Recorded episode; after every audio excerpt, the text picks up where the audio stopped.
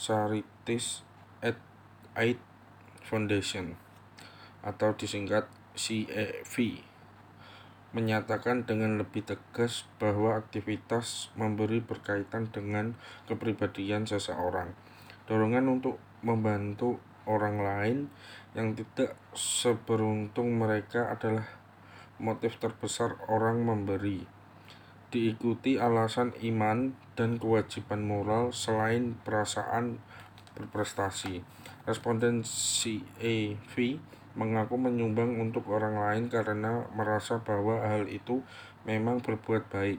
Adapun justifikasi baik didasarkan pada nilai personal, pengalaman personal, dan ajaran keluarga. Kegiatan memberi, bersedekah, dan semacamnya bahkan akan sulit jika dipahami dari aspek pemenuhan kebutuhan.